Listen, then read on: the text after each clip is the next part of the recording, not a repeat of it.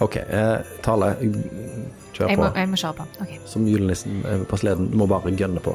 Okay. Velkommen til Sølvbergets juleklassiker-podkast. Nå har jeg akkurat lukta på kanelteen til Thomas, kikker ut av vinduet, det ligger et tjukt lag med deilig snø. Og i dag så skal vi snakke om den fantastiske juleklassikeren The Adventure of the Blue Carbuncle av sir Arthur Conan Doyle, og det er da et Sherlock Holmes-mysterie. Så jeg er sikker på at vi alle har veldig mye å si om denne fortellingen. Men eh, kanskje du begynner, Åsmund, med å si hva dette handler om? Jo da, dette er Sherlock Holmes som eh, sitter i huset sitt. Det er litt eh, ute i romjula, og han er ikke i spesielt mye julestemning. Det er nesten ingen referanser til jul i den eh, lille novellen, men ok, det foregår rundt jul, og det har en viss eh, påvirkning på mysteriet. Iallfall. Han sitter der, og så får han besøk av selvfølgelig Watson, som egentlig bare kommer innom eh, med intensjon om å ønske han god jul, eller noe sånt står det, eh, løselig oversatt til norsk. Eh, og selvfølgelig, siden det er Sherlock Holmes, så eh, blir vi vikla inn i et eh, koselig lite julemysterium eh, som involverer en hatt og en gås og en forsvunnet edelsten, og hvor uh, alt løser seg i julens eh, ånd, faktisk. Nå er jeg veldig imponert, men Dette syns jeg var en fantastisk positiv og en en nydelig lite sammendrag av, eh, av den fortellingen. Eh, men eh, personlig så, så vet jeg ikke om jeg er helt eh, enig i den beskrivelsen. Jeg vil også forsvare den litt. Ja, vær så god, Thomas. Ja, for jeg, att jeg, jag har jo lest den med annet annat perspektiv enn de to, fordi eh, ni to hade ju läst den för mig och förtalt att vi kanske borde ha en annan bok. Så jag hade väldigt lave förväntningar. Men för mig så läser jag den sånn som detta. Eh, man, man läser den boken i sam, eh, den, den förtällningen sammen med masse andre Sherlock Holmes-fortellinger. Og så sier han jo selv i begynnelsen, Dr. Watson som forteller, at ja, så hadde vi mange som forteller om sånne store case. De hadde liksom den de fyras eh, et eller annet røde mannen. og, så, men og så har vi masse sånne små eventyr som kanskje ikke ens var kriminelle. Liksom. Og dette er et av dem. Så han, han forsvarer seg jo selv med en gang når man kommer inn. Og det er jo ikke Sherlock fel at det ikke er julestemning, for det har jo ikke han sagt at det skal være. Eh, Nei, nei, og, og, men det er jo kriminalitet her. Det er jo tyveri av en Ja, ja, eh, men det er ikke, en, det er en, fall, liksom.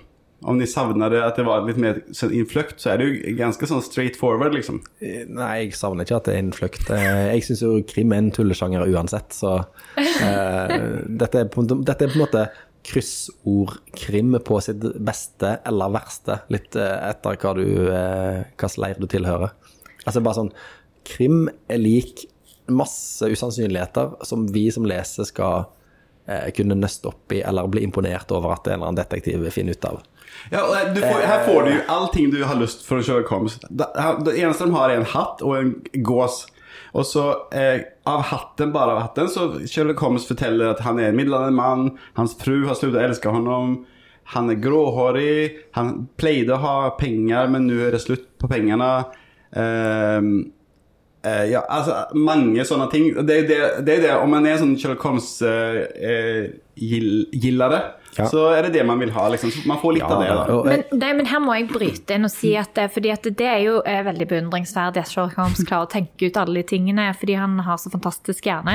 Men det som er så provoserende med den fortellingen, er jo at det er bare masse tilfeldigheter. Sånn, og tilfeldigvis så dunker noen inn i den personen som tilfeldigvis altså det er bare sånn tilfeldighet på tilfeldighet som fører til løsningen av mysteriet, og det krever jo ingen hjernekapasitet.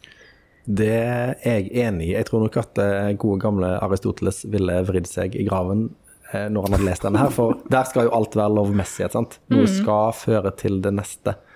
Eh, Det er jo sånn, hvis du går på skriveskole Fy så, sure sura grinsjer vi er begge to. Dette er forkastelig. Er det jeg som ikke har noe med jul å gjøre, liksom? Men ni to som, som elsker julen begge to, sitter her og klager.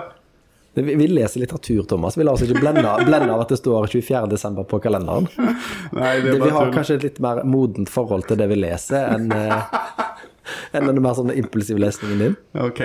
Men og, det, altså, litteratur skal jo ofte få oss til å eh, på en måte, det konfrontere oss med våre feil og få oss til å reflektere over eget liv.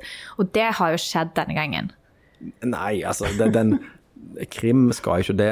Krim skal underholde oss der og da. Og så, og så trenger vi ikke å tenke mer på det. Det er på en måte Leserkontrakten i krim er at eh, hold meg engasjert så lenge boka pågår, så skal jeg godta at jeg ikke kommer til å bry meg om han idet jeg legger vekk. Men nå ødela det jo for det jeg hadde tenkt å si, Åsmund. Det kan jeg aldri se for meg. Fordi at det som skjedde, var jo at jeg innså at jeg aldri skal betvile Åsmund igjen. Fordi det som egentlig var planen til Åsmund, var at vi skulle lese en, um, en bok som heter A Child's Christmas in Wales. Og når Åsmund foreslo det som er årets juleroman, eller fortelling, så ble jeg eh, umiddelbart kjempeskeptisk og tenkte at ah, det var en kjedelig tittel. La oss lese noe gøy heller. Og så kom Thomas opp med denne Sherlock Holmes-fortellingen. Og da tenkte jeg åh, oh, yes, julemysteriet, det høres jo fantastisk kjekt ut. Men det var jo tidenes kjedeligste bok. Imellom det så hadde du det fantastiske forslaget om å lese eh, filmmanuset til Die Hard. Men det ble, det ble, litt for langt. Men eh, ja, det, det, ble bare sånn som dette. Og jeg tipper at Dylan Thomas ganske mye, har ganske mye høyere litterær eh, verdi enn det vi har lest. Men, men, du kan godt se for deg at dette er en sånn kortfilm på et kvarter, 20 minutter. Sånn, eh, liksom som du sitter og ser en, en, søndag morgen eller noe sånt. Jeg, jeg har ingen problem med altså, Du ser for deg, og de går rundt der, det er litt snø, og Jeg, jeg syns ikke det var så ille, liksom jeg bestilte nettopp en bok eh, som jeg kom til i høst, som heter Jeg husker ikke tittelen, men, men, eh, det, er en, eh, det er en ny bok av Nick Hornby. Mm. Han har skrevet en biografi, det er en dobbeltbiografi, om Charles Dickens og Prince.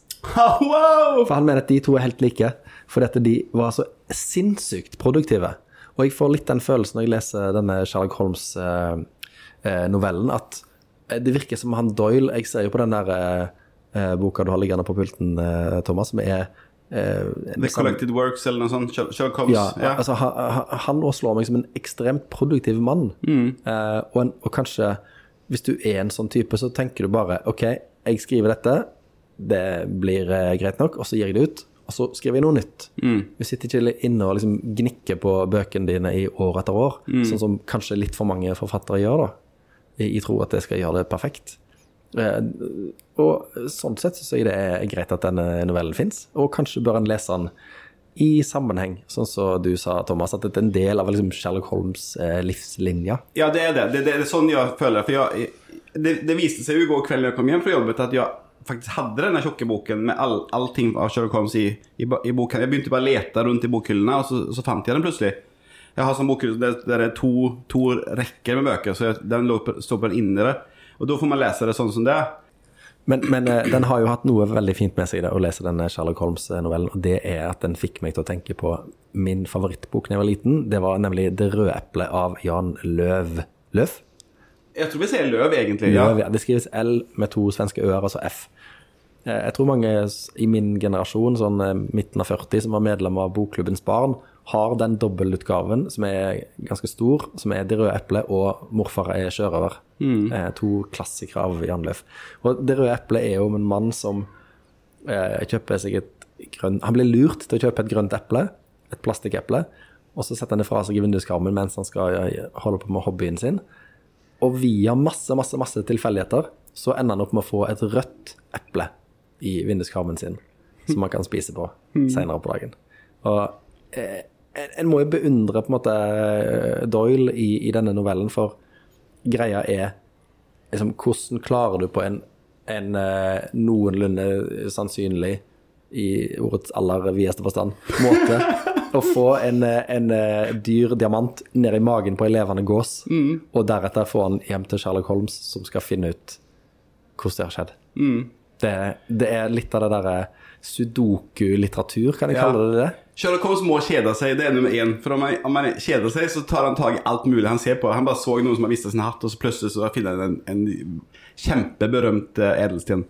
Men jeg, jeg, jeg, jeg opp med Jan Løv også, og jeg elsker jo de der bøkene. De, det, er så, det, er så, utrolig koselig. Altså er det jo et mysterium, iallfall om man er barn, eller også som voksen. Det er litt sånn der eh, Petson og katten eh, eh Ting med superkoselige små detaljer i tegningene og ja.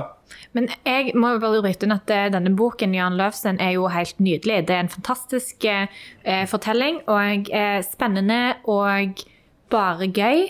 Og du blir motivert til å lese videre.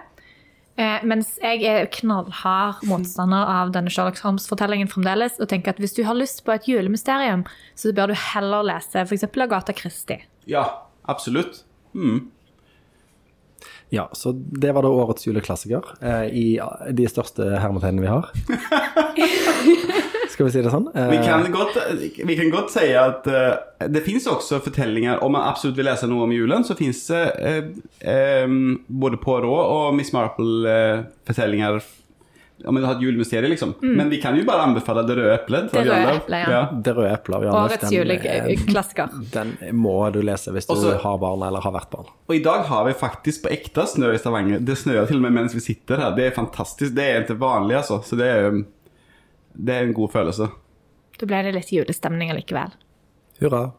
Eh, og denne fortellingen fikk meg jo til å lure på hva skal dere spise til middag på julaften? Blir det gås i år?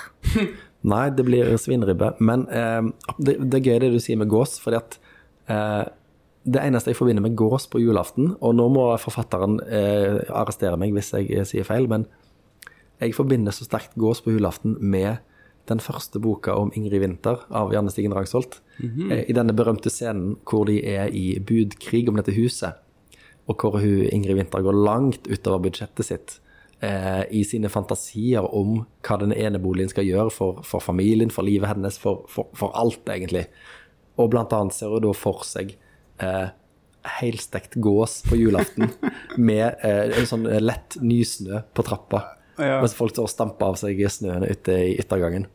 Så det er min, min eh, inngang til jul og gås er Janne Stigen Drangsholt sin eh, første bok om Ingrid Winther.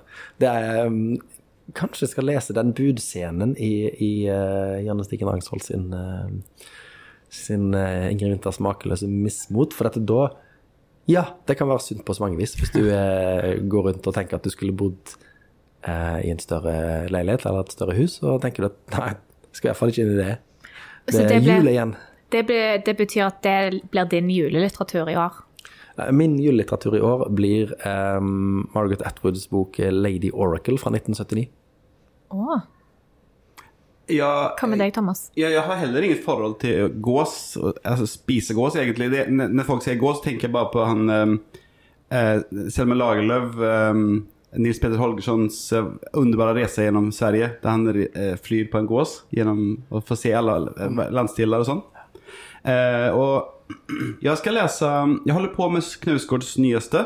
Og så eh, fikk jeg akkurat spørsmål om jeg ville lede en samtale med Agnes Ravatn, så jeg, jeg får vel egentlig lese Agnes Ravatn. Eh, og det gleder jeg meg til. Eh, det som jeg ikke har lest. Skal du lese den lese hun i veke 53? ja.